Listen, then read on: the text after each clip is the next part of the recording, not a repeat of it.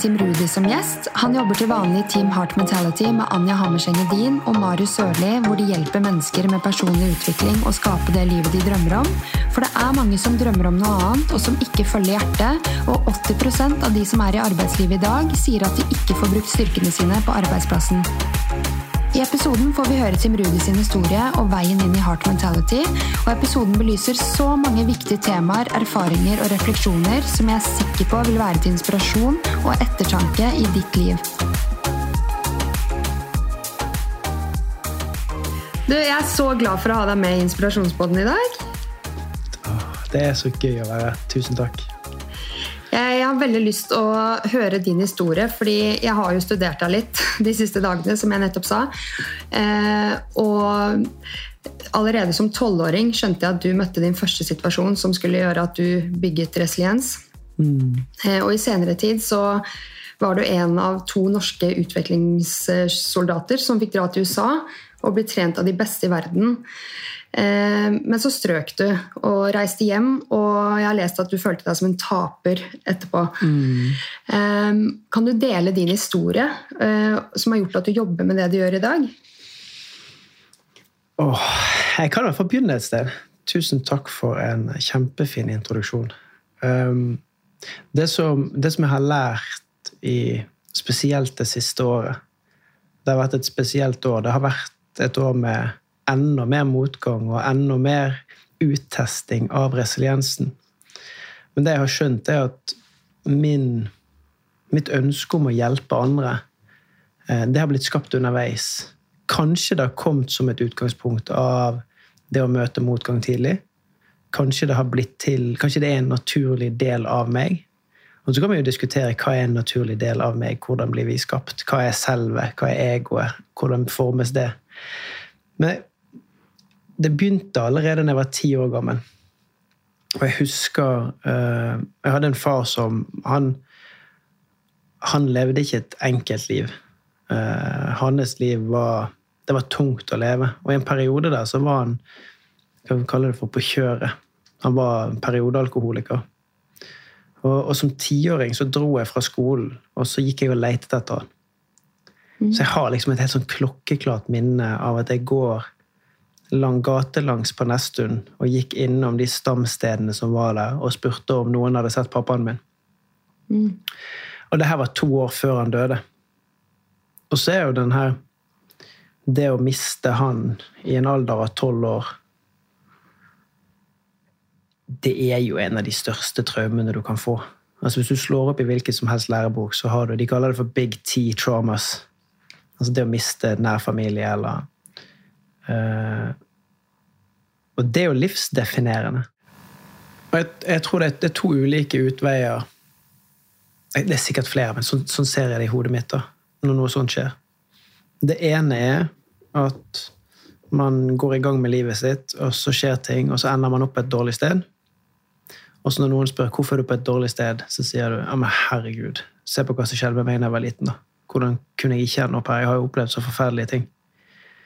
Og så har du den andre siden, der man gjør det beste ut av det og bruker det som en styrke og som en innsikt og som en kraft.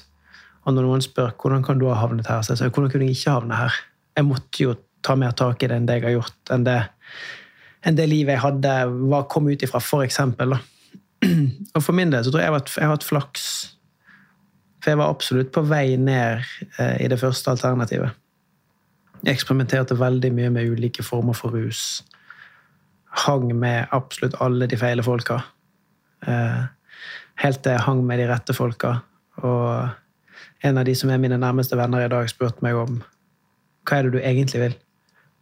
For nå må du velge sjøl. Og så valgte jeg det å bruke det som en styrke istedenfor som en unnskyldning. Men det jeg husker veldig godt, det var når jeg fikk fortalt uh, Da var jeg 19 år og var ikke Stjerkommandoen. Eh, og så hadde ikke jeg delt med så veldig mange der eh, om historien min og hvor jeg kom fra. Men det var noen andre som jeg var sammen med der, som òg kom fra eh, Hva kaller vi det for, da?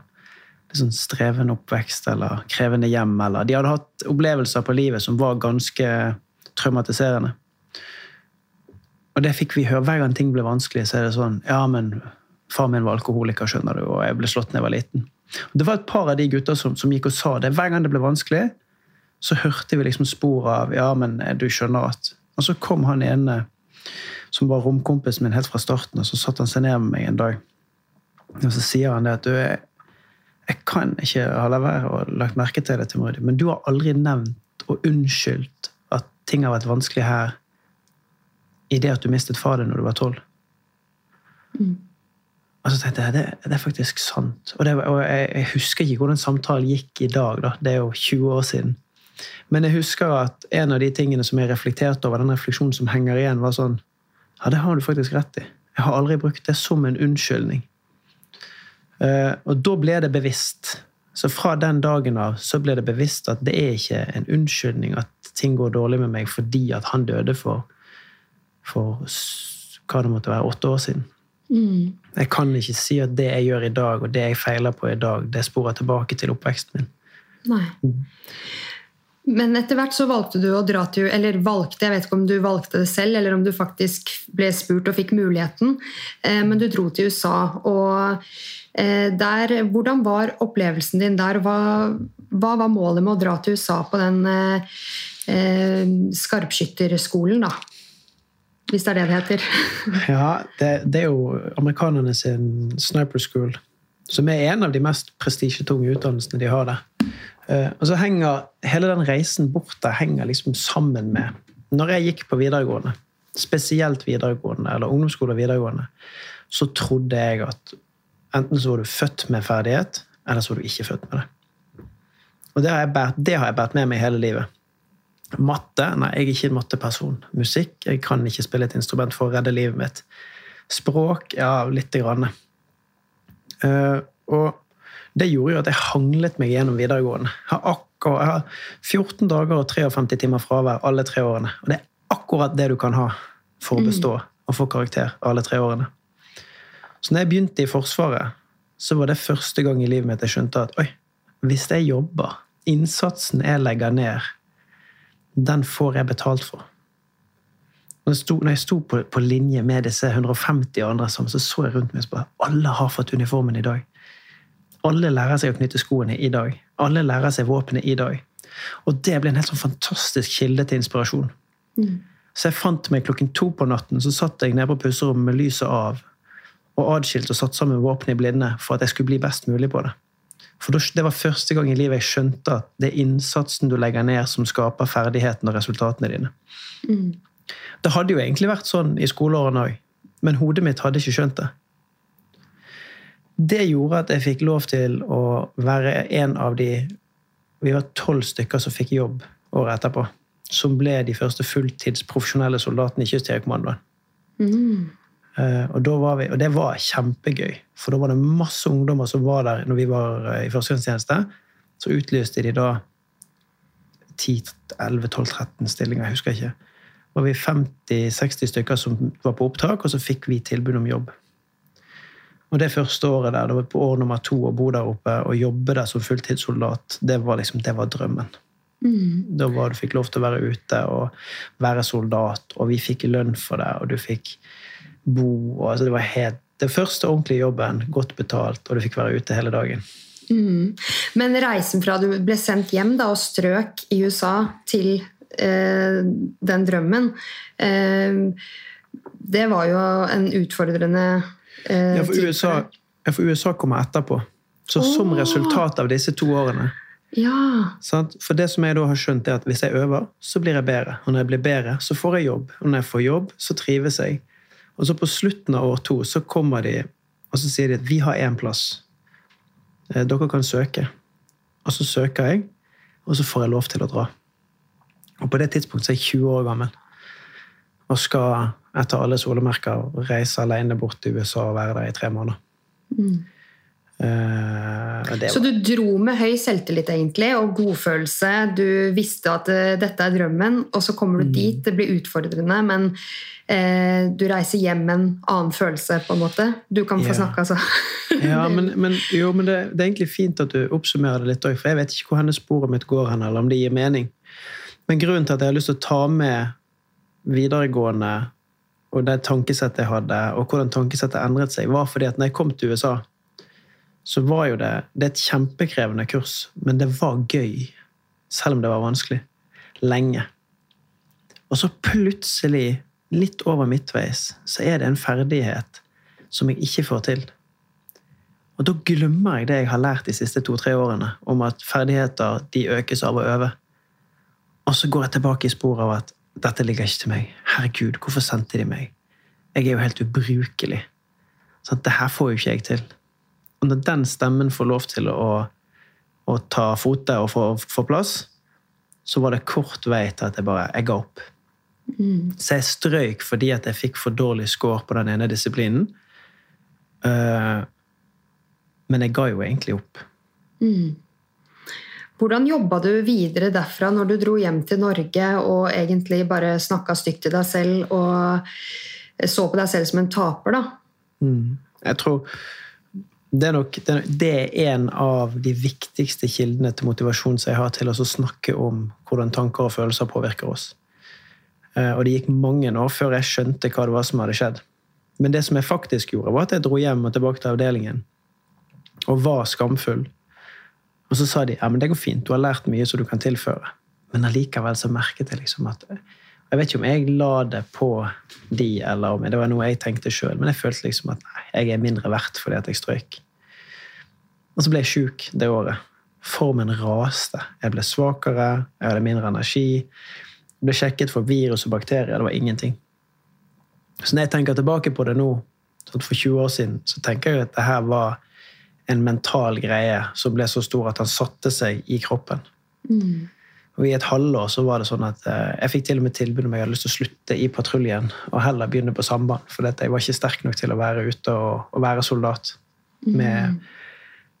Å, det var kjempetøft! Og så kommer, og så kommer jo utenlandsoppdraget til KJK. Uh, eh, og da, da, må vi bestemme oss for om vi vil reise ut eller ikke. Og på det tidspunktet så var jeg blitt samboer med hun som er min kone. Og vi jobbet der oppe begge to.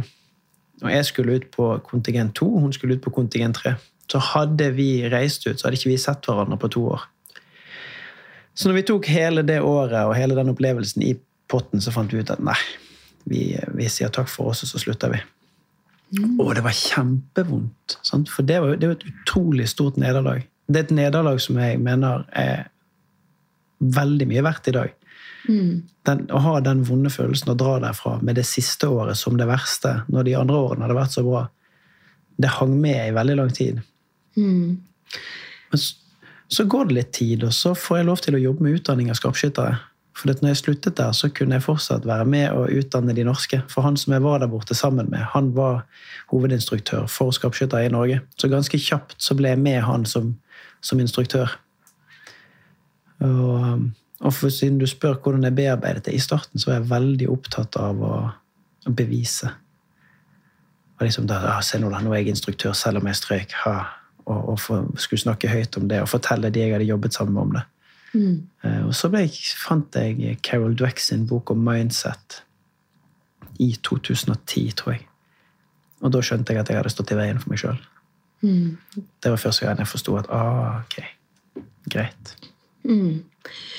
Og det er jo typisk man eh, Det er jo egentlig bare en selv som begrenser en selv. Eh, og det kan ta flere år før man innser det, eller så eh, skjønner man det plutselig når man leser en bok eller hører en podkast, eller plutselig kan man bare få en liten sånn Å ja, det er jo jeg som har stått i veien for meg selv. Mm. Men videre derfra, da, så hva er det du har jobba med etter det? Hvor lenge ble du der? Så når vi, når vi, når vi sluttet i uh, Kystjegerkommandoen, så flyttet vi til Bergen for å studere. Og så når jeg begynte å studere, så var det sånn jeg har jo fritid.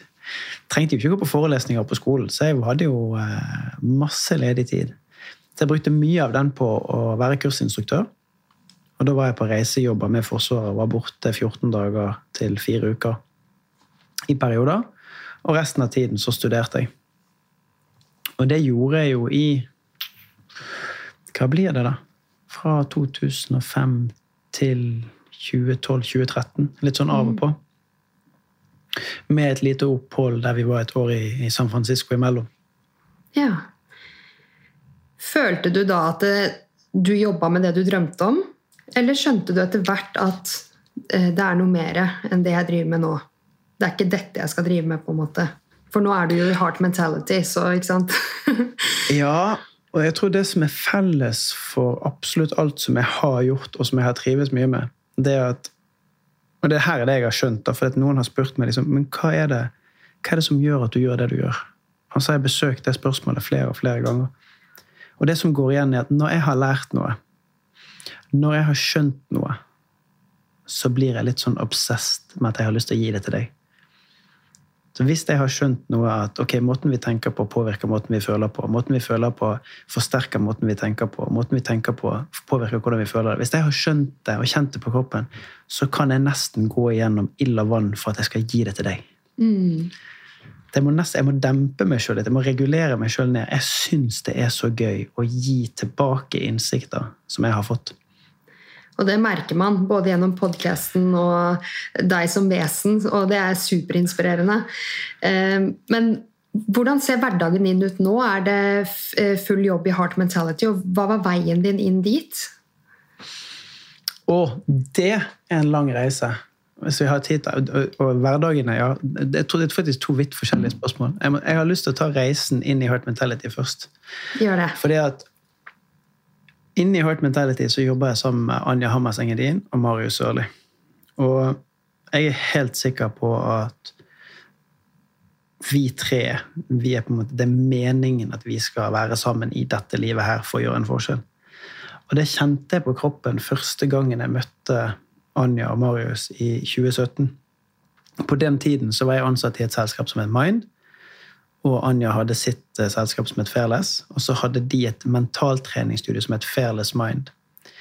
Det skulle være Norges første fysiske mentaltreningsstudio, men som òg skulle være digitalt. Og da skulle jeg bli med å lansere det her treningssenteret. Jeg møtte Anja i juni 2017. Og når jeg ser hun kommer gående, og jeg gir hun og får den første klemmen fra hun, så føltes det som jeg har kjent henne i flere liv. Og derfra og til i dag så har vi hatt noen fellesprosjekter, vi har snakket masse sammen, vi har utfordret hverandre. Men det begynte sånn for alvor i Og nå må jeg faktisk begynne å tenke meg om. 2022 var i fjor. 21. Ja. så i februar 2021 så ringer Anja meg, og så sier hun Du, jeg har et oppdrag. Og jeg har fått spørsmål om hvem jeg vil ha med, og det er kun deg og Marius jeg vil ha med på dette oppdraget. Kult. Kult, sier jeg. Ja. Men det kan være at det er litt for populærkulturelt, eh, psykologisk, til at det passer med profilen til Mind. Og så sier jeg men du, ok, si litt mer hva det er. Og så får jeg høre hva oppdraget er. Og så er det mye nærmere det vi gjør i Heart Mentality i dag, enn det jeg gjorde i Mind på den tiden. der. For Mind sin profil var mer renere, mer profesjonell. Så jeg, her tror jeg faktisk jeg må si nei takk. Eh, for det lar seg ikke harmonere med det jeg gjør eh, i dag. Oi. Og det var, det var, som å ta et frø. Og her er det mentale bildet som jeg på en måte har på. Det var som å ta et frø. Eh, og kanskje litt som, som å ta et bambusfrø. Putte det i jorden. Og så, så, gikk det noen dager, så gikk det noen uker, så begynte jeg å tenke skal jeg, skal jeg leve resten av livet mitt med å måtte si nei til å gjøre jobber med mennesker jeg har lyst til å gjøre Altså si nei til å gjøre jobber jeg har lyst til å gjøre, med mennesker jeg har lyst til å jobbe med, fordi at jeg har på meg akkurat denne drakten som jeg har i dag. Mm. Og det fikk meg til å bli, bli nysgjerrig på hva er min drakt. Og i den perioden fra februar og utover våren 2021 så snakket jeg med Anja én til to ganger i uken. Mm. Og den, det her frøet ble vannet. Det her frøet ble vannet. Den bambusen den satte rot og satte rot og satte rot. Men når jeg kom til eh, mai, så hadde jeg bestemt meg. 16. mai klokken ti på halv ni var jeg ute og gikk tur med hunden, og så bare puff, sa det i hodet mitt. Så bare, Jeg må starte for meg sjøl. Ja. Jeg er nødt til å begynne å bare finne ut hvem jeg er. Hva er min drakt? Hva er min stemme? Hvem vil jeg jobbe med? Hva vil jeg jobbe med? Og på dette tidspunktet så var ikke Heart Mentality eh, sånn som det er i dag, skapt i hodene til meg og Anja. Først var det jeg som måtte ut og stå på mine bein. Og det var superskummelt. Eh, for det, det jeg skjønte da, var at jeg har brukt hele livet mitt på å gå bak alle andre sin logo. Der eh, jeg kunne gå inn i et rom og så kunne jeg si at i Mind så mener vi at. Ja. Ja, det, det forskningen sier, er at Men jeg hadde aldri sagt at det jeg mener, er Mm. Dette er Tim Rudi, dette mener jeg. Så det Tenk måtte jeg begynne å øve på. Ja, tenk hvor redde vi er for å bruke oss selv som referanse. Altså det, herregud, det, det går opp så mange tanker og lys for meg når du prater. Fordi eh, jeg føler at vi er så avhengig av at forskningen skal ligge bak oss, eller at noen andre har sagt det før oss. Da er det trygt å si det. Men hvorfor kan ikke dine meninger eller dine livserfaringer ha like mye å si som uh, Jay Chetty, da, som alle bare er sånn wow! Uh, det kommer jo fra hans egne tanker og meninger, ikke sant? Ja, og, og jeg tror nok jeg, tror, jeg, tror, jeg tror vi kan dele det. Sånn I starten skal vi ta 50-50. Den ene handler om at jeg har aldri bygget opp trygghet i meg sjøl til å kunne stå for min egen stemme. Så Derfor så har jeg alltid funnet trygghet i å være sammen med andre og gjemme meg bak det. Og så har det blitt en norm. Jeg har identifisert meg veldig med de selskapene jeg har jobbet i, men jeg har også holdt de foran meg som en rustning. Og så tror jeg den andre delen handler om det samfunnsmessige eh, si, normene i det samfunnet som vi lever i i Norge i dag. Jeg tror jeg, jeg er todelt i å bare peke på janteloven. Men jeg tror det er nyanser av det. Det at janteloven fins, tror jeg gjør at vi er redd for å gi slipp på å være oss sjøl. Jeg er helt enig, og jeg har så mange tanker rundt det her, fordi jeg føler jo at eh, dette er bare min mening, eh, men eh, jeg vil dele en tanke jeg har, som du kan eh, dele dine refleksjoner med da, eh, rundt, mener jeg. For jeg har en følelse av at vi er veldig styrt av noe annet enn oss selv. Eh, og med det mener jeg at eh, jeg føler ikke at folk får utløp for kreativiteten sin, drømmene sine, målene sine. Eh, og da lurer jeg på, liksom, er vi styrt av den norske kulturen hvor eh, hvor vi skal ta en formell utdannelse og jobbe på en arbeidsplass hvor vi også blir delvis styrt. Eh, og gjerne med en tittel eh, hvor man blir veldig bundet til den tittelen jeg som sykepleier, f.eks. Det er en forventning om hvordan jeg som sykepleier skal være. Men det går an å være sykepleier i bunn og følge drømmen sin ved å gjøre det på sin måte, hvis du skjønner. Og det er jo sånn jeg brenner veldig for. Eh, mens i USA da, så er det jo ikke janteloven på den samme måten. Det er eh, full applaus når folk tør å gå sine egne veier og eh, bli gründere og ja, starte for seg selv. Eh, hva er dine tanker rundt det? Det er et kjempestort spørsmål. Ja. Jeg tror, hvis vi skal begynne ett sted, da. Dette her er ganske ferske tanker, men jeg er utrolig inspirert av Gabor Maté sin siste bok, eh, 'The Myth of Normal'. Og Han snakker om veldig mye inn i den, men det han snakker om som inspirerer meg, er hvordan vi ser på hvorfor vi er sånn som vi er i dag. Eh, og så er det diskusjonen imellom arv og miljø. Han sier at miljøet du har vokst opp i, altså de eksterne omgivelsene som har påvirket deg, er med på å forme den du er i dag. Gjennom å oppleve ting som vi opplever som traumatiske. Altså, ikke, Situasjonen i seg sjøl trenger ikke være traumatisk, men min tolkning av situasjonen gjør at jeg opplever det som et traume. Når jeg opplever noe som oppleves som et traume, så skaper jeg en forsvarsmekanisme og en mestringsstrategi som gjør at jeg sikrer meg selv at dette skal jeg ikke oppnå igjen. Eller dette skal ikke jeg oppleve igjen. Og der tror jeg vi i dag lever i et samfunn med, der det ikke er naturlig å snakke om det. Og der, når vi avviker fra normalen, f.eks. noen sitter i et klasserom og ikke klarer å sitte i ro, så klistrer vi en diagnose på dem og begynner å se på alle kjekte boksene på skjemaet. Istedenfor å være nysgjerrig på hva er det som har skjedd med, med dette mennesket som gjør at ikke de klarer å holde konsentrasjonen. Det er bare ett enkelt eksempel.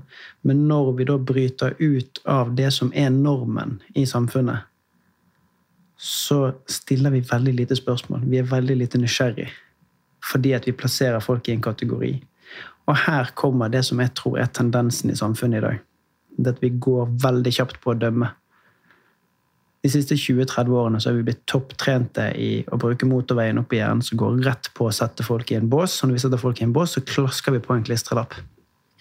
Og her Senest i går så var jeg eh, offer for å bli kalt en jævla idiot av en fyr. Fordi Eh, og, det, det, er en, det er en morsom historie. Jeg, jeg er ute og går tur med hunden min. Og så er det en, en kar som ramler på isen. Og han ramler på isen sånn, sånn at han ligger nesten litt ute i veien. Så har jeg en hund som blir veldig fort stresset opp når det skjer ting. Så jeg kan ikke gå bort til han uten at hunden min da kanskje begynner å hoppe på han eller springer rundt han, for det er en liten valp. Eller en ganske stor valp. Og I samme øyeblikk så kommer det en taxi, og ut av taxien så hopper det en kar. Og han karen kommer bort og så sier han, 'Har du ramlet?' 'Ja, han har ramlet', sier han som ligger. 'Skal jeg hjelpe deg opp?' 'Ja, det hadde vært fint'. Så står jeg litt sånn på halvdistanse og ser på det her. Eh, og kan ikke bli med og løfte han opp, fordi jeg må stå med hunden. Eh, men jeg får, jeg får liksom ikke gjort noe forskjell. Og han som kommer inn for å hjelpe, han er, tar godt tak i han og løfter han på ene på høyre skulderen, og så får han han ikke opp fordi han er for tung. Og så ser jeg på han at han blir frustrert. Og i det øyeblikket han blir frustrert, så ser han opp på meg så sier han kan ikke du, kan ikke du hjelpe, da, istedenfor å stå der og se på, din jævla idiot? Sånn, og sier 'unnskyld, hva sa du?' Og så, og så fortsetter det litt, da. Og, og hele poenget mitt er at jeg skjønner veldig godt at han plasserer meg i en bås. Jeg forstår at når han ble frustrert, for dette ble tungt for han å løfte, så ble det vanskelig, og så ser han på meg, og så flytter han sin frustrasjon over på meg. For jeg ser jo gjerne passiv ut. Eh, og jeg kan ikke hjelpe han, jeg kan ikke slippe hunden å komme bort, selv om jeg har veldig lyst, og det er viktig for meg å hjelpe, men det vet ikke han. Det han ser, det er en lakkaløyer som står passivt og ser på at to stykker sliter. Og så vet jeg ikke om det er mulig å liksom, i det øyeblikket å lære folk å bli mer nysgjerrig. Men jeg syns det eksempelet er så fantastisk fint, for det er det vi gjør. Hvis jeg, hvis jeg, hvis jeg generaliserer oss veldig nå, da, så er det det vi gjør. Når vi ser noe atferd på overflaten, så putter vi folk i en boks og så kaller vi dem for en jævla idiot. Mens det vi Mm. egentlig burde gjøre, er at vi burde sånn, Ok, hvorfor står han ved siden av veien og bare ser på? Og Hadde han hatt mental kapasitet det, så hadde han sagt unnskyld, kan du hjelpe meg? Jeg syns dette ble litt vanskelig, det ble tyngre enn det jeg hadde sett for meg. Mm. Men han gjør ikke det, for han går rett i sin følelse, så blir han frustrert, og så kommer det Vi, vi, eh, vi trenger å bli mer undrende på mennesker rundt oss. eh, Og det er som du sier, vi dømmer for fort. Eh, Vi dømmer ut ifra eh, situasjoner. Vi dømmer ut ifra sosiale medier, hva folk har på seg. Eh, Men jeg har bare lært med årene. Jeg har alltid vært veldig nysgjerrig på mennesker. Alltid fått høre det. Eh, Og noen ganger så er eh, folk litt sånn Oi, du er så direkte. Men jeg elsker å være nysgjerrig på mennesker, for jeg føler det er det som gir meg størst læring i livet og utforske mennesker. Hvorfor har du blitt sånn som du har blitt? Hvorfor tenker du sånn som du gjør? Det er ikke bare min sannhet som er en sannhet. Eh, Man må lære seg å få et større perspektiv på ting ved å faktisk være nysgjerrig på mennesker. Da. Og jeg mener det er den største læringen man kan ha gjennom livet. Å faktisk snakke med mennesker, uansett om du kjenner dem eller ikke. Altså, jeg har hatt så mange fine samtaler med fremmede mennesker. og mange har den holdningen at hvorfor skal jeg snakke med denne personen? Jeg møter jo ikke den igjen. Eh, Det orker jeg ikke å bruke tid på. Jeg tenker jo helt motsatt. Jeg får noe ut av å snakke med en person selv om det er siste gang jeg ser den personen. Og der er man så forskjellig, men det gir meg høy livskvalitet. Fordi jeg føler at jeg får meg til å tenke, reflektere, få nytt synspunkt på ting. Det hjelper meg å vokse. Eh, Ja, gir meg mestringsfølelse. Jeg føler at eh, når du viser nysgjerrighet på andre mennesker, så eh, får du også andre til å føle seg bra. Da. Og så føles det godt. Altså Istedenfor å gå i, i direkte og dømme og putte på merkelappen på noen. Hvis du liksom stopper opp og tenker hva var grunnen til at vedkommende gjorde det? Hva er det den har opplevd som gjør at den kanskje svarte sånn som den gjorde? Så, så åpner du jo hjertet ditt igjen. Når vi gjør noe som er feil, så ved begge de situasjonene våre så dømmer folk seg sjøl først fordi at de ikke fikk til noe. Jeg, må dra en tolkning på det. Da. Han som løfter han tunge mannen, han mislykkes jo i det øyeblikket der. Før, rett før det så var han stor og sterk og handlekraftig og hadde kontroll. Så får han han ikke opp, så mister han kontroll. Og istedenfor å erkjenne det og tørre å være sårbar og vise at Oi, du, dette var vanskeligere enn det jeg hadde tenkt, kan du, du, jeg ser at, kan du forsøke å hjelpe meg? Så blir han sint. Sånn, og det er den koblingen der. Dette er spennende. når vi mislykkes med noe, når vi driter oss ut, når du snubler, når du mister noe, når du knuser noe, når du gjør en feil, så har ingen som har trent oss i å stå der og se oss rundt og tenke åh, det her ble jo bare teit. Å, unnskyld. Sånn skulle det ikke vært. Mm. Men istedenfor så enten så blir vi veldig skamfulle og har lyst til å gjemme oss, eller så reagerer vi med sinne tilbake. Mm. Men akkurat i mellomrommet der så har vi muligheten til å liksom Oi, ja, det der var, nå, oi, nå ble jeg lei meg. Eller oi, nå ble jeg skamfull. Hvorfor ble jeg skamfull? Det gjør jo ingenting å falle på rumpen på isen. Mm. Det er helt naturlig, det. Mm. Og jeg tror at hvis vi hadde jobbet med den form for innsikt, den form for selvregulering, så hadde vi blitt så mye snillere med oss sjøl, og gjennom det så hadde vi blitt snillere med hverandre. Og da hadde vi, da hadde vi heiet på naboen. da. Når naboen kommer hjem og bare 'Du, jeg skal gjøre dette.' Ja, dødsfett. Gi gass. Mm. Vi trenger at folk er litt mer støttende, fordi det man, hvis man føler at folk rundt er med på å på en måte dømme, da er det skumlere å trå ut i sin egen drøm også, selv om ikke det skal være en grunn til å begrense. Da. Men jeg har hørt i en podcast-episode at du er veldig opptatt av hva andre tenker om deg. Er du over den perioden, eller er, det, eller er det sånn at du klarer å legge det til side når du jobber med dine egne drømmer nå? Nei, det er nok en av de, eh, det er en av de tingene som er på min treningsplan kontinuerlig. Uh, og jeg, var, jeg, startet året med, med egenutvikling, så jeg var over en uke i Costa Rica eh, for å jobbe med si, mine demoner og de tingene som jeg trenger å utvikle. Og det, det, det, som kom opp der som var utrolig spennende, var at ja, vi må vi, Men jeg dømmer ikke folk rundt meg. Men langt, langt inni underbevisstheten min, inni disse 95% som ikke vi har kontakt med, der lå det en, og han dømte meg. Og han dømte meg knallhardt. Og grunnen til at jeg da er redd for hva du mener om meg, er fordi at jeg mener noe stygt om meg sjøl allerede fra før. Kan du si hva det er? Nei, det var bare det at eh, jeg har gjort ting opp igjennom i oppveksten og i en del av 20-årene som ikke har vært snille ting. Jeg har ikke vært en fin fyr. Mm. Og gjennom eh, noen dype meditasjoner og yogaøvelser så skulle vi si vi satt på slutt, Klokken var kvart over syv på morgenen, og vi hadde meditert i ca. en time. Så skulle vi helt avslutningsvis skulle vi si I am grateful for me. Så sitter jeg og lukker øynene og har morgensolen eh, i ansiktet, og så kommer jeg halvveis, og så begynner jeg å grine. Mm. Og jeg klarte ikke å fullføre den setningen hele den dagen. Så da fikk jeg muligheten til å gå i dybden på det. sånn, ok, hvorfor, ikke, hvorfor kan jeg ikke si at jeg er takknemlig for meg? Nei, men du er jo ikke det. Og så videre arbeid dypere og dypere. Og det er fordi at jeg har klandret meg sjøl. Og har vi Altså Alle har muligheten til å være nysgjerrig på det, men vi må tørre å la stillheten være der for at den stemmen skal kunne komme opp. Det gjør vi ikke i dag. Vi, vi holder oss opptatt fordi at når det blir stille, så kommer jo den sannheten opp, og da blir det ubehagelig.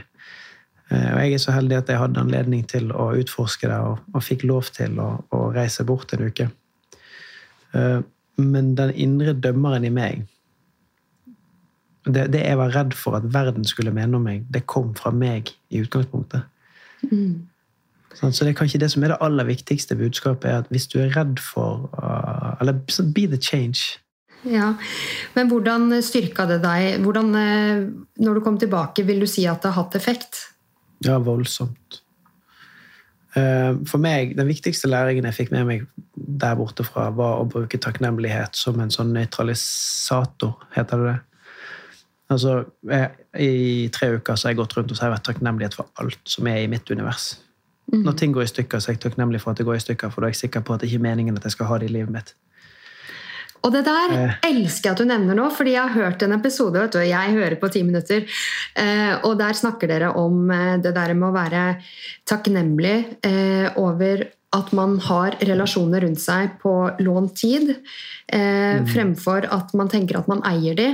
Og Den mm. episoden hørte jeg på i dag mens jeg trente, og den traff meg midt i hjertet, for det fikk meg til å mm. tenke at jeg jeg, det switcha noe om i huet mitt med en gang. Som du sier, jeg ble takknemlig på en helt annen måte. Jeg sendte melding til mamma med en gang og sa 'tusen takk for at du passer' Begynner jeg nesten å grine. Men mm. 'tusen takk for at du eh, stiller alltid opp og passer ungene'. eh, selv om jeg virker utakknemlig noen ganger når jeg er stressa. Eh, for jeg føler ikke at jeg takker hun nok, og hun stiller alltid opp med åpne armer. Det, jeg, jeg fikk tårer i øynene, jeg òg.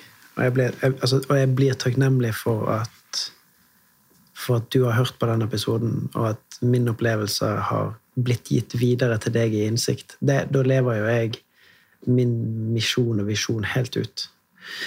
Den innsikten den kom jo den kom på en fredag. Og fredagen uken før så døde mor min brått eh, av akutt blodforgiftning. Oi. Og, og det her var 18. mars i fjor. Er det sant? Ja. Og så, og så reiser jeg til Bergen mandagen, for der sitter da stefaren min igjen. Uh, som etter all, alle praktiske formål har vært far min gjennom hele livet mitt siden jeg var tre år gammel.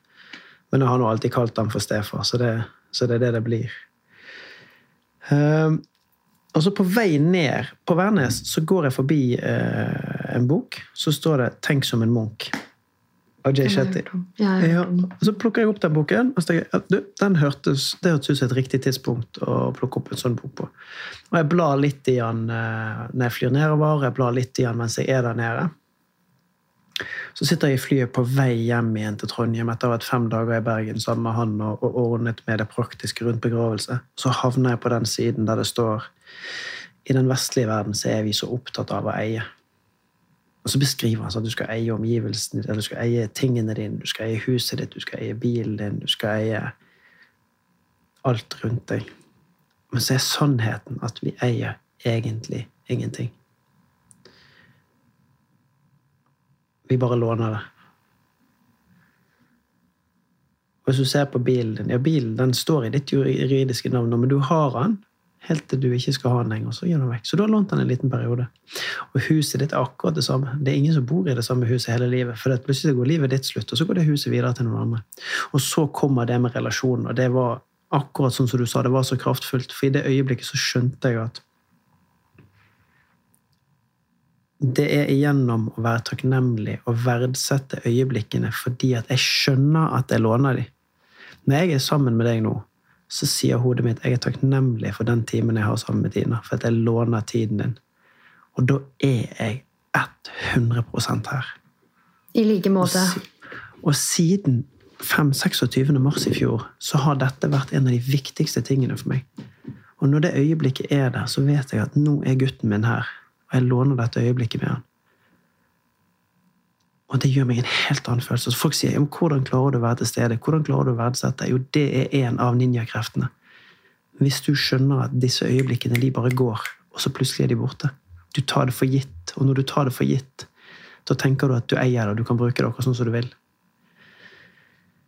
Det har vært og selvfølgelig, Jeg lykkes jo ikke det med det hver gang. Jeg går jo rundt, og så forsvinner tankene mine, og så er fokuset hit og dit. Men jeg har noe som henter meg tilbake igjen. Jeg har hatt situasjoner der jeg har kjent at nå ble jeg sint og frustrert, og så har jeg blitt minnet på at dette øyeblikket det varer ikke for alltid. Skal du gå opp på badet og kjefte på ungene nå? Eller skal du gå opp og så bare leke deg ut av denne av to overtrøtte unger? Mm. Og så har jeg lekt meg ut av det, tøyset meg ut av det, så har det tatt ti minutter lengre, og så kjennes det helt annerledes ut. Vi har alltid et valg, og som den situasjonen du beskriver nå, hvis f.eks. ungene eh, er overtrøtte, lager mye lyd eh, Man kan velge å enten være sånn 'Nå går dere og legger dere', og lager mye, stress. Eller så kan du faktisk tenke at vet du hva, det her eh, kommer jeg til å savne når ungene er store. Det at det var litt kaos, at det var strødd med leker overalt. Eh, at de eh, ropte 'mamma, mamma, mamma, mamma', mamma, mamma, mamma, mamma. Altså hele tiden. Jeg, jeg tar meg selv, og jeg minner Gard på det også, at alle de situasjonene vi blir slitne av nå, eller som vi tenker sånn Åh, vi har jo bare lyst til å bare slappe av og se på Netflix. Vi er slitne. Eh, så vi jobber masse med det, og vi, vi har begynt å implementere det sånn skikkelig i praksis. Og det funker som bare det, fordi det, da ender kvelden eller dagen bra. da. Men den kunne endt dårlig hvis man går inn i situasjonen og viser at man er frustrert, sliten. Og det er mye bedre følelse på slutten av dagen å ha tatt det valget om at nå skal jeg stå i dette her selv om det er litt slitsomt. Ja. Og det, altså, det er jo der vi plasserer fokuset vårt. Hvis vi plasserer det på hjertet og på kjærlighet og på takknemlighet, ja, så står vi fint i den situasjonen. Og så er det lov å være sliten. Det er lov å være lei seg. Eh, det jeg skulle ønske at noen hadde lært meg for ti år siden, det var jo hvordan jeg kunne regulere meg sjøl ned gjennom pust, gjennom meditasjon, gjennom fokus. Skulle ønske at, jeg, altså, jeg skulle ønske at det òg var mer legitimt i verden i dag å snakke om fokustrening gjennom det å bare være stille og puste og, og bruke kroppen til å regulere oss ned. Og der er jo Anja den største inspirasjonen min, fordi at hun har jo hun har tørt å ta sin plass. Eh, hun har en ganske stor plass i samfunnet i dag, en ganske kraftig stemme til å fremsnakke at det er lov å ta pauser. Til å fremsnakke at det er lov å, å bremse. At det er lov å skape disse mellomrommene. Jeg tror det her er, tror jeg første gangen jeg sier det litt sånn høyt offisielt. Men jeg tror vi er på vei inn i tidsalderen for bevissthet. Og jeg tror at en direkte konsekvens av det er at vi vil begynne å stille spørsmål til, til hvorfor gjør vi det vi gjør. Hvordan kan jeg gjøre dette bedre for meg? Når jeg er ute i virksomheter For du spurte om det, hva gjør du i dag? Så noe av det gjør, at jeg fasiliterer eh, ledergrupper, effektive team, i å bli bedre. Og når jeg kommer og sier 'få se kalenderen deres', få se hvor pusterommene er, så er det sånn Nei, men det har ikke vi tid til. Nei, vi går back to back til møter. Og den største symptomet jeg ser på hva det er som er feil med samfunnet vårt, da, det at vi løper fra den ene tingen til den neste, og så fighter vi for retten til å gjøre det. Sånn, vi, vi, kjemper og slåss og argumenterer for at vi skal bruke tiden vår sånn. Ja, men jeg kan ikke ta meg ti minutter pause. Det går ikke fordi at jeg er så viktig. Eller jeg kan ikke ta meg en halvtime og lukke døren og, og høre på musikk og sone ut fordi at jeg er jo på jobb. Og det er sånn Jeg vet de neste ti årene. Det var litt sånn gøy, for Nå skal jeg huske at jeg har sagt det her hos deg i dag. Skal vi mm. se i 2033. Jeg er 100% sikker på at jeg kommer til å få rett. Det kommer til å være annerledes om ti år. Men da er vi nødt til å begynne å lete etter argumentene for hvorfor det er greit å gjøre det. Og jeg, min, min, store inspirasjon til dette, her, som jeg får lov til å ha tett på meg hver dag, det er Anja. For Anja sier det så enkelt som at hva er det som skal til for at jeg skal være skjønn i det neste møtet mitt? Mm. Sånn, når hun skal inn og ha et foredrag, hva er det som skal til for at jeg skal være skjønn i det foredraget? Og jeg er nødt til å finne stillheten og roen. Hvis jeg skal inn og ha et kundemøte, hvis jeg skal inn og møte Tim Rudi og Marius, hvis jeg skal hjem og møte Gro og guttene, hva er det som skal til? Og det er at vi endrer tilstanden vi er i. Sørger for at vi nullstiller, så kommer vi i rett tilstand til den arbeidsoppgaven vi skal løse. Mm. Og Noen ganger så sitter vi sånn som vi gjør nå. Og så er vi på et, et eh, hjernebølgenivå, og så prater vi, og så lager vi podkast, og så er det full fart. Og så noen ganger så er det tilstedeværelse med familien, og da trenger vi noe annet. Mm.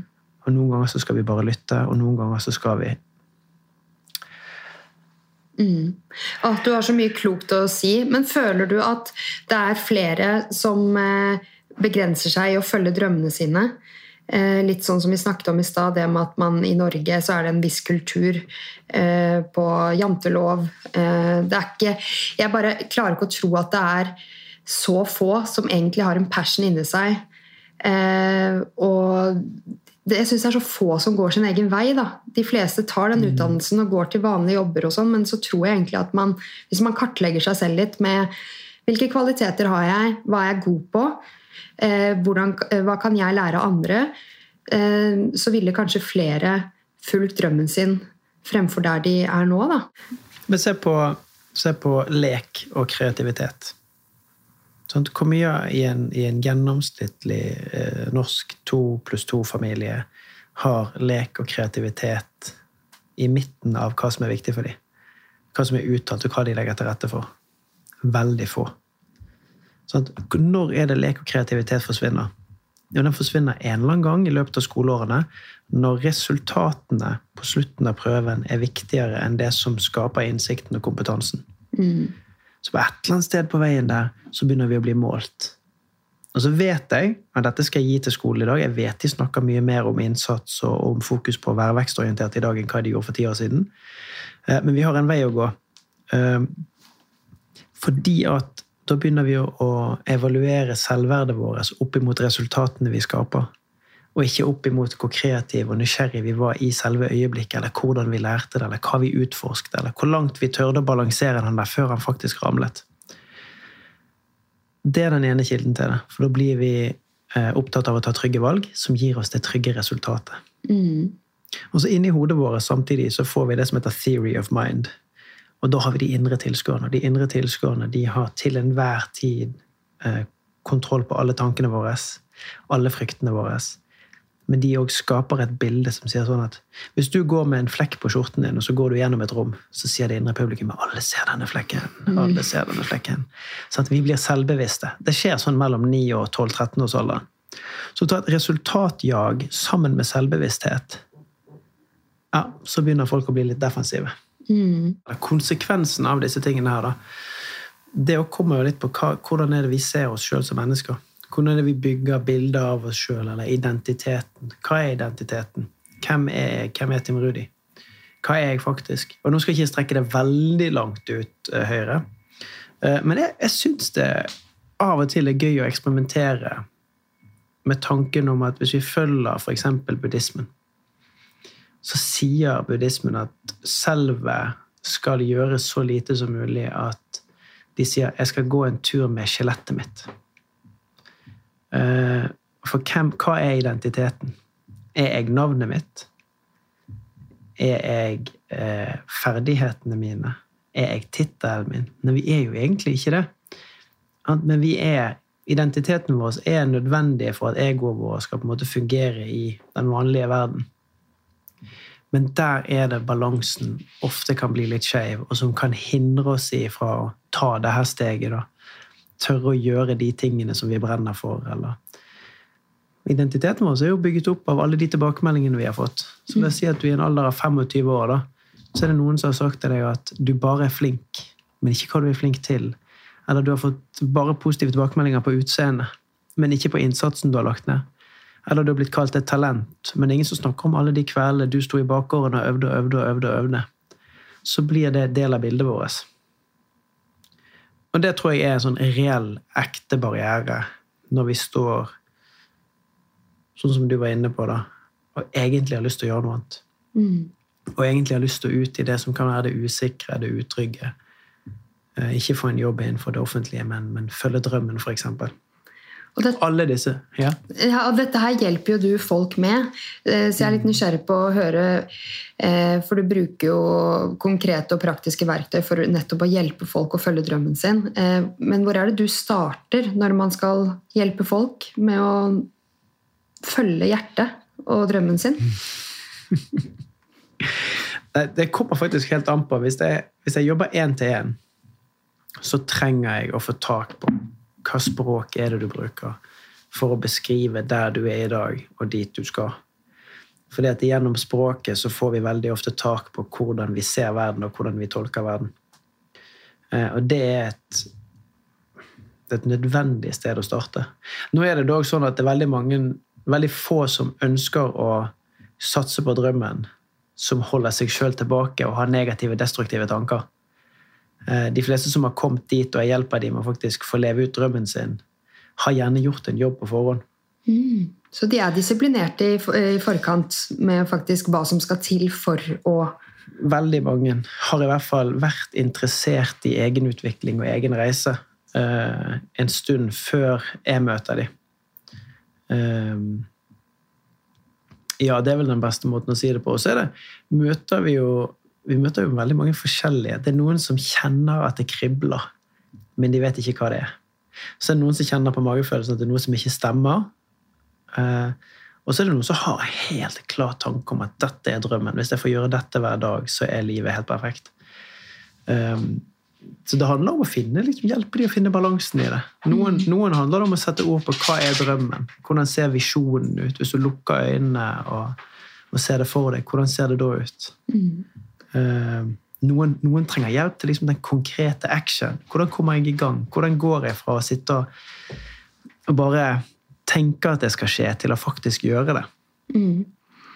Opplever du da at eh, det er veldig mange som sitter inne med noe ekstra, men som ikke eh, tør å ta steg? Hvis du ser på hele samfunnet vårt, da. De fleste går til en trygg jobb hvor de får lønn, har en leder, Eh, tror du at det, det er flere enn det vi ser, som har en indre passion som de ikke utforsker, hvis du skjønner hva jeg mener?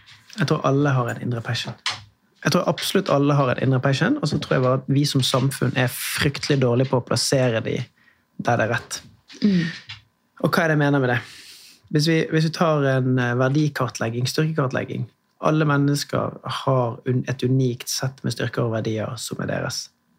Og alle mennesker har en personlighet. Og hvis vi, hadde, hvis vi som samfunn hadde lagt til rette for at du får gjøre det som ligger mest til rette for din personlighet og dine verdier og dine styrker, så hadde du blomstret. Men utfordringen er at vi ber noen om å ta et valg når de er 15, om hva de skal gjøre på videregående. Og så er det på videregående det er grunnlaget for hva de skal gjøre på universitet og høyskole.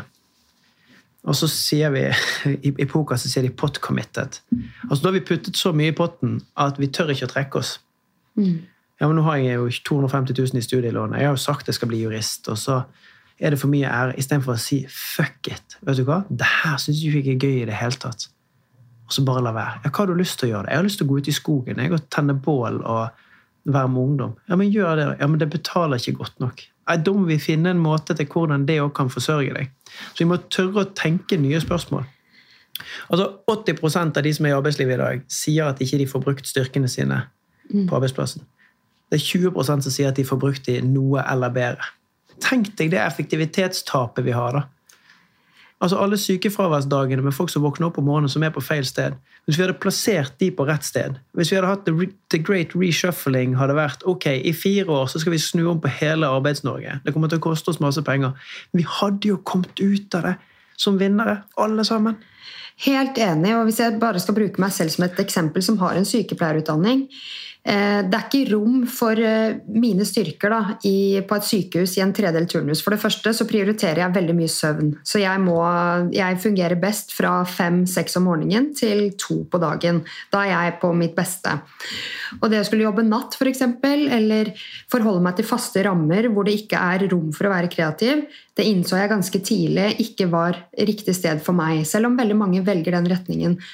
Men det å tenke litt større, sånn som du sier, det har gjort at eh, Hva er det jeg har lyst til? Jo, jeg har lyst til å jobbe helsefremmende og forebyggende. Mm. Eh, fordi jeg tror vi jobber for lite der. Vi jobber når sykdom har inntruffet ofte. Eh, men sånn som nå på ungdomsskole, så har jeg kunnet bruke kreativiteten min så mye. Jeg har arrangert gå-grupper som eh, hver onsdag i storefri, hvor ulike elever er med og går med meg. Og det er min idé som jeg kan gjøre, for det er ingen som sier til meg det får du ikke lov til. Men hadde jeg begynt sånn på et sykehus, på en sengepost, og si 'kom igjen, folkens', opp av sengene, nå skal vi eh, Ikke sant? Eh, det hadde ikke vært mulig. Så jeg føler liksom at det å eh, ja, kunne jobbe som sykepleier og eh, få ut kreativiteten min på én arbeidsplass, men også følge podkast-drømmen, det er mulig. Det er det. Man må bare tørre å se på hvilke muligheter har jeg, på en måte. Mm. Og så tror jeg vi, vi trenger å altså, men det, det, det, det, er et kjempestort spørsmål som vi, som vi, må på en måte ha litt respekt for. Det er komplekst òg. Men samtidig, hvis vi bare isolerer noe av det, da, så handler noe av det om å tørre å være tydelig med seg sjøl. Hvem er jeg, og hva brenner jeg for å gjøre? vi må begynne der. Hvis du syns det er gøy å skape noe med hendene, så er det ikke nyttig å være regnskapsfører og sitte og flytte tall. Nei. Og, og, og, det er det mange som gjør. Mm. Og, hvis det, og, hvis du syns det er kjekt å være ute i naturen og være med folk, så er det òg veldig rart hvis du har en jobb der du sitter alene. Mm. Uh, og jeg tenker at den innsikten det ligger på samfunnet å legge til rette for, men også på individet å være nysgjerrig på. Yes. Og Da må vi tørre å si at vi må tørre å gå vekk ifra ja, men sånn er jeg bare. Eller sånn har jeg alltid vært. Ja, men det kan jo være at det er en grunn til det òg. Mm. Og så det andre er at eh, vi som samfunnsmodell så låser vi folk veldig tidlig i det økonomiske. Eh, det er veldig dyrt å, å, eie bolig, og det er veldig dyrt å ta studielån, og det er dyrt å leve. Så vi mister mye av fleksibiliteten. Der er ikke jeg smart nok til, eller kreativ nok til å tenke hva kan vi gjøre annerledes. Men med at vi vet at et gjennomsnittsmenneske i Norge velger yrkesretning i snitt når de er 25, så blir jeg veldig overrasket over at vi legger så utrolig mye press på 14-15-åringene. Mm. Altså, Hvorfor ikke bare videregående kunne vært litt mer gøy? Mm. Litt mer utforskning? Men, prøving og feiling. Men også ha respekt for at noen ganger så tar det mange mange år. Man må kanskje innom mange arbeidsplasser før man innser hva som er drømmen. Så det er ikke feil heller å være på litt feil sted noen ganger, for det bare får deg til å innse nettopp at dette var ikke stedet for meg, eller dette føltes ikke riktig. Prøver noe annet, prøver noe annet, tester ut dette. Og så finner man ut etter hvert hva drømmen er. Jeg visste jo ikke hva drømmen min var i ungdomsårene, men jeg har hele tiden hatt en magefølelse på at jeg må jobbe med mennesker. Eh, ungdom er en veldig spennende aldersgruppe. Men jeg elsker også å prate med folk, og det podkasten gir meg muligheten til å snakke med så mm. mange mennesker som jeg ikke kjenner engang, men som jeg bare får masse ut av å ha samtale med. Og det har jeg innsett at nå føler jeg at jeg står midt oppi min egen drøm, som passer meg akkurat fint her og nå. Og så kanskje jeg vil noe annet senere. Men nå er jeg oppi mm. en drømmesituasjon, vil jeg si. Men har du en spesifikk drøm du jobber med per i dags dato?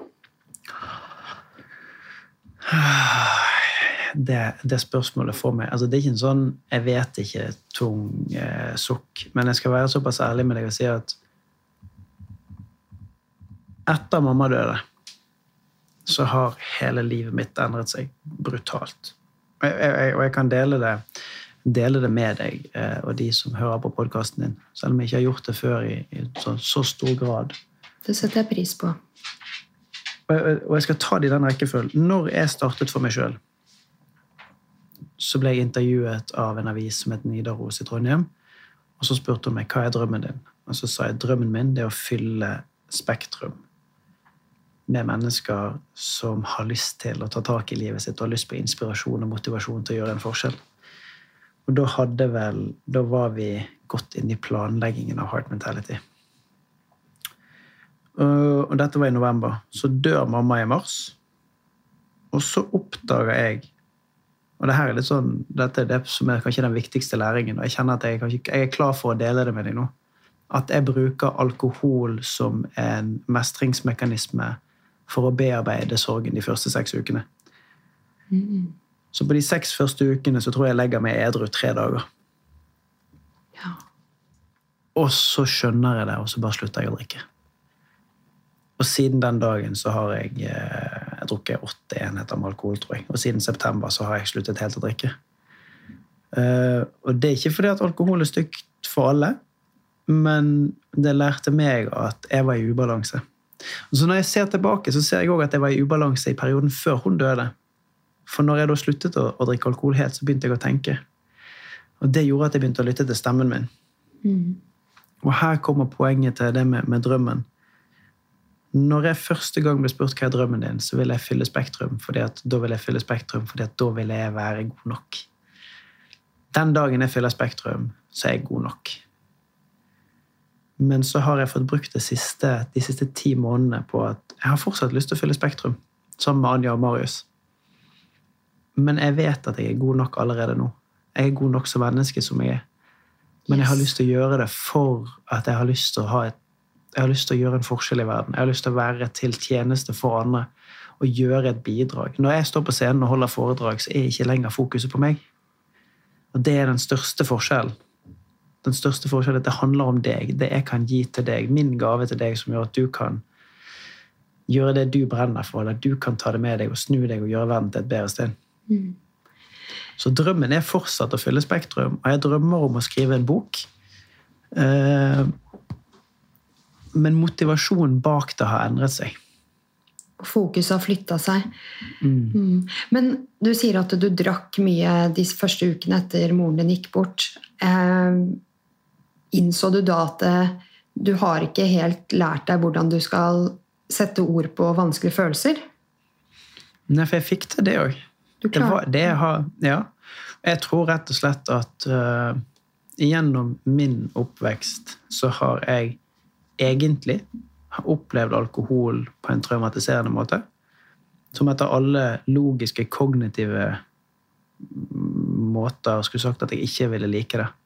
Men i oppveksten min, når ting ble vanskelig, spesielt når jeg ikke mestrer ting, eller når jeg ikke mestrer situasjoner, eller ting blir krevende, og jeg må bruke meg sjøl mye Den eneste måten jeg kunne eh, avspenne, det var å ta to øl. Mm. Så det som skjedde, var at når dagen hadde gått, og jeg har satt ord på alle de tingene, og skuldrene var høye, så den eneste måten å senke skuldrene og få ned pulsen på, det var å ta noen glass vin eller noe øl. Mm. Jeg vet ikke om det ga mening. Jo, absolutt, men hva gjør du nå for å senke skuldrene? Hvis du trenger det. Nå puster Nå puster jeg. Ja. Nå puster jeg, og så lukker jeg øynene, og så er jeg takknemlig, og så Og så jo det, det har jo vært en vanvittig spennende læring. For jeg tror jo helt oppriktig at samtidig som at vi er på vei inn i liksom bevissthetens tids, tidsalder, så er òg innenfor ledelse så er det kjærlighet og takknemlighet og omsorg og raushet som er det neste. Mm. Eh, og det har jeg vært veldig spent på å snakke høyt om. Men så er det en, en tøff kar fra Stavanger som heter Jonas, som etablerte et selskap som heter Easy, som er omsatt for flere milliarder, og han har en TED-talk der han sier 'We built it on love'. Mm. Og når jeg så den, så tørde jeg å snakke om det sjøl òg. Fordi at i det øyeblikk jeg valgte å slippe inn kjærlighet i mitt liv, i meditasjon, i takknemlighet og i pust, så forsvant behovet for alkohol. Mm. Jeg må bare si takk for at du delte drømmen din. Altså, og jeg må med hånda på hjertet si at jeg har troen på at eh, vi ser dere tre sammen på en scene. Eh, ja, men sånn oppriktig. Det, jeg syns dere, dere er så inspirerende alle tre. Og eh, man merker at dere jobber med hjertet. Eh, fokuset deres er å hjelpe andre. Og nei, det er superinspirerende.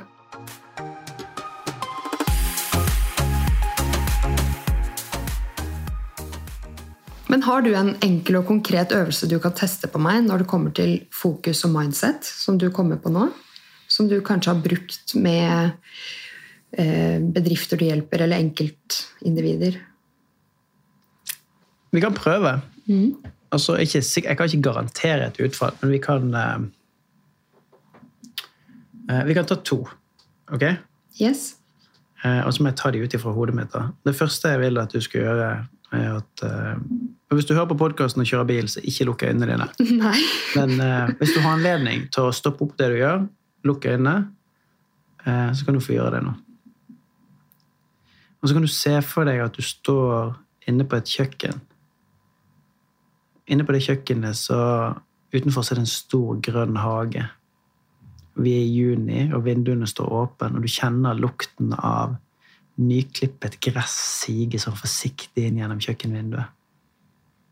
Gardinene er sånne rutete, røde og hvite. Det er sånn koselige hyttegardiner. Foran deg på kjøkkendisken så ligger det en stor skål med sitroner. Med venstrehånden din så kjenner du på den første sitronen og kjenner at den var litt hard.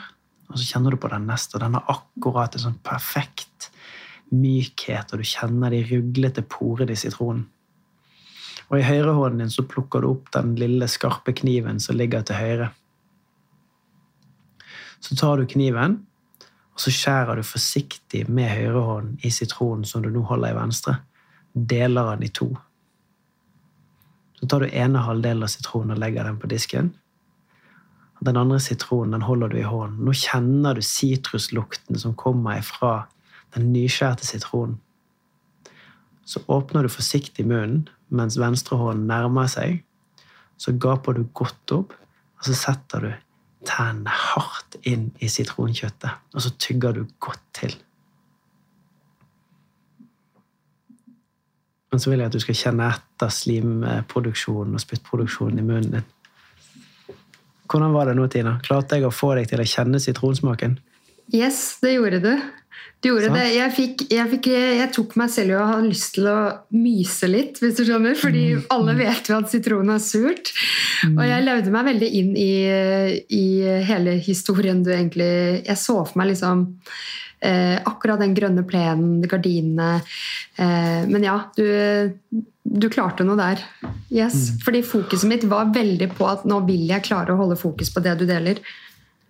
Yes. Og så her er hele poenget. Hjernen vår, Når du lukker øynene dine, så klarer ikke, den kan ikke skille mellom det som er ekte i denne tredimensjonale verden, og det som foregår oppi hjernen. Som betyr at jeg gjennom mitt språk kan få deg til å tenke og føle og oppleve akkurat sånn som jeg vil, gjennom å skape bilder i hodet ditt. Mm. Og det klarte du. Det er, Det veldig, det er gøy.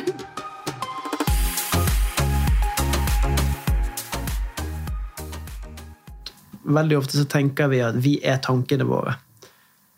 At tankene er jo en, en, en resirkulering.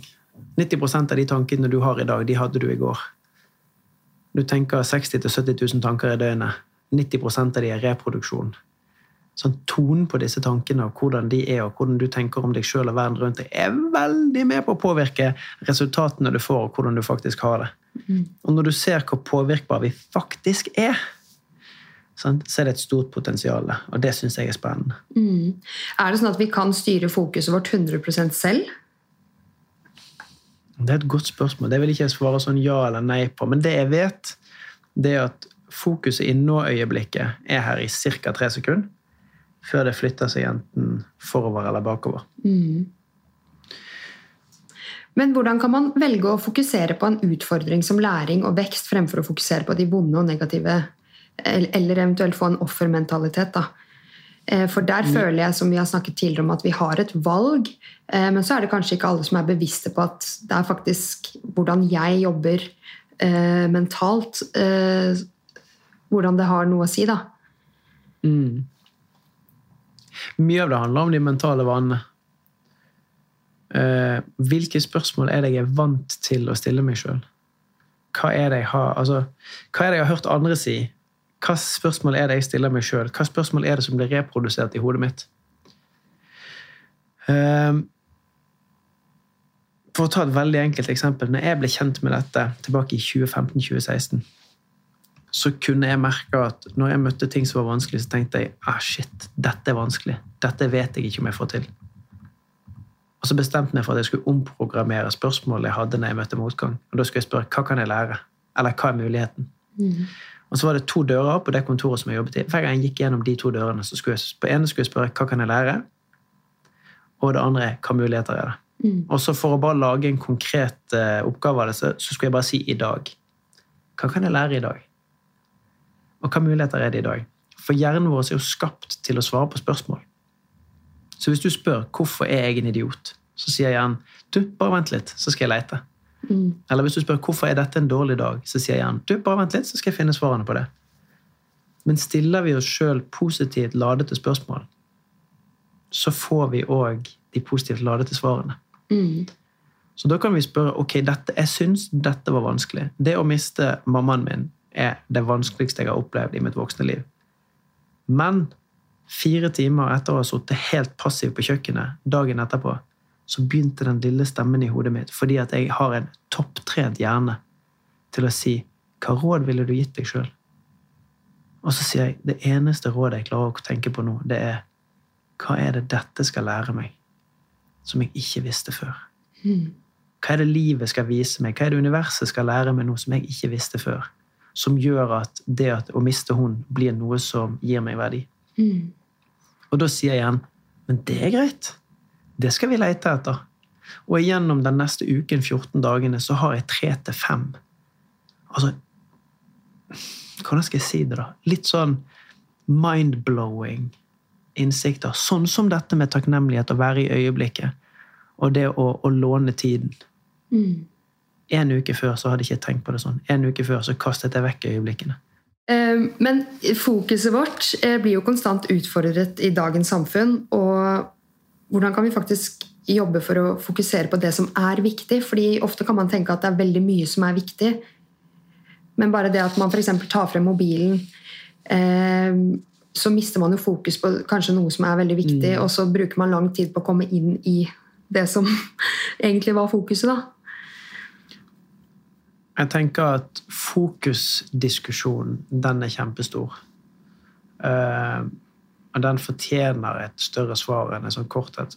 Han, jeg, jeg vil anbefale har du, har du lest 'Stolen Focus' Nei. med Johan Hari? Altså, den boken er helt formidabel. Den anbefaler jeg de som lytter til podkasten, og deg, å bare les, lytt på den på lydbok på Audible. For det Johan Harry gjør, er at han bryter Han har brukt fire år på å skrive denne boken om hvorfor forsvinner fokuset vårt. Og han tar det gjennom alle disse ulike nivåene i samfunnet. Eh, og så avslutter han til slutt med å si at det er, det er systemsvikt. Det er reguleringer som må på plass, fordi at vi blir nå psykologisk påvirket av Hva er de heter for noe, disse som jobber i Google? da? Nå står det helt stille med. Altså Social scientists som bruker psykologi på hvordan fange oppmerksomheten din. Og så er det vi som sitter med skyldfølelsen. Ja, men jeg klarer ikke å legge fra meg telefonen. Og så er det sånn, det er egentlig ikke din skyld i det hele tatt. Nei. Eh, Men det jeg kan si så på en måte, vi, vi må jo forsøke å putte på noen plaster, sånn at vi får det bedre. Det ene er vær nysgjerrig på hvilke vaner du har. Uh, og Der, har jeg, der finnes det masse podkaster ute om vaner, hvis de som lytter til har lyst til å bli kjent med det. Uh, og vi har det i appen òg. Det som, når er det jeg tar opp telefonen? Hva er det som skjer i forkant? Hva er triggeren? Hvorfor tar jeg opp telefonen? Når legger jeg den ned igjen? Når er jeg ferdig og forsynt? Hva var konsekvensen? Eh, og så er det å trene fokuset. Og fokustrening er meditasjonstrening. Det er bare en annen måte å si det på.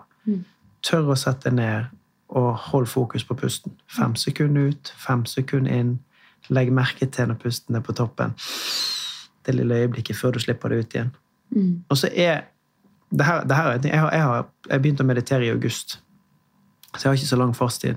Men før jeg begynte, så trodde jeg at jeg skulle, hodet skulle være stille hele tiden. Men meditasjon er jo bare en mentaltreningsøkt på hvor mange ganger klarer jeg å hente fokus tilbake igjen til pusten. Ikke hvor mange ganger har jeg mistet det. Hvor mange repetisjoner klarer jeg å hente det tilbake igjen. For hver gang jeg gjør det, så blir jeg bedre. For hver gang jeg det, så blir muskelen min sterkere. Sånn? Da har vi én, vær nysgjerrig på når jeg gjør den tingen som, jeg, som gjør at jeg mister fokus. To, øv på stillheten. Og det tror jeg egentlig holder. Mm. Jeg, da, og, nei, jeg skulle faktisk si at jeg føler jo at jeg mediterer når jeg løper. Fordi da eh, fokuserer jeg nesten alltid bare på pusten. Eh, jeg har ikke noen spesifikke tanker som eh, tar over mens jeg løper. Det er egentlig stille i hodet, og jeg hører meg selv puste. Og jeg har en sånn heftig ro eh, som gjør at jeg er eh, Løping er min liksom eh, daglige mm. must have. og, jeg, og, jeg tror det, og jeg tror det er fullt mulig. Uh, så tror jeg òg det er et nivå i utfordring der, da. Uh, at ok, men da vet du hvordan det er å bare ha fokus på pusten. Hva skjer hvis du setter deg inn i et rom der det er helt stille, og så skal du bare være helt stille med deg sjøl i ti minutter? Hva kommer opp da? Det å tørre å være nysgjerrig på det.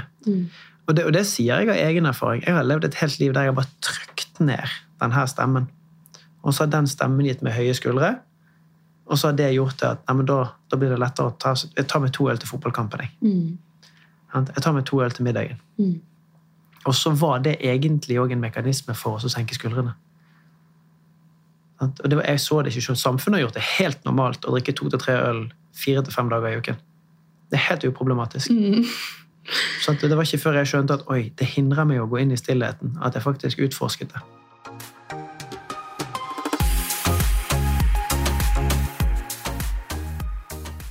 Ja, vet du hva? Jeg, vi har snakka skikkelig lenge, og jeg har jo selvfølgelig mange flere temaer jeg kunne ønske vi rakk, men eh, du er hjertelig velkommen tilbake i Inspirasjonspodden en annen gang. Så jeg tenker, hvis ikke du har noe mer å tilføye nå, så går jeg over på de faste spørsmålene mine. Ja, gjør det. Jeg blir gjerne med en, en gang til. Det her var kjempegøy. Ja, yes. Hvordan starter du uken best mulig? Med å stå opp mandagen Nei, du, jeg må starte på nytt. Vent litt. Med å legge meg fornuftig tid på søndagen. Og så øver jeg på å planlegge. Ja. Jeg måtte, jeg måtte faktisk få tenke meg om. Jeg må, hvis jeg legger meg riktig tidspunkt på søndagen, og jeg bruker søndagen på å planlegge uken min Yes, bra svart. Hvordan snur du en dårlig dag om til en god dag? Det fins ingen dårlige dager. Det er bare, det kan, det er bare det, dårlige ting som kan skje, og så får vi bare håndtere det, og så går vi videre. Alle dager er gode dager. Hva er du takknemlig for?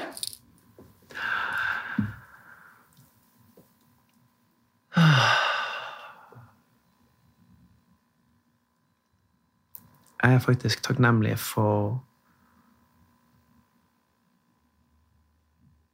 Det her ble mye større enn det jeg trodde. Men når jeg, når jeg pustet ut og bare lyttet, så er jeg bare takknemlig for livet. Altså for muligheten. Bare til det å puste. Det var det som kom i hodet mitt. Og så kan det høres veldig svevende ut og altomfattende, men det er faktisk eh, Jeg er utrolig takknemlig for at jeg får lov. Åh, jeg elsker det svaret der. Hva inspirerer deg? Akkurat det vi gjør nå. Det å, det å snakke om de litt store tingene. De litt dype tingene i livet. Det som gir mening. Det er veldig inspirerende. Jeg får masse, masse energi av å, av å ha en sånn samtale med deg.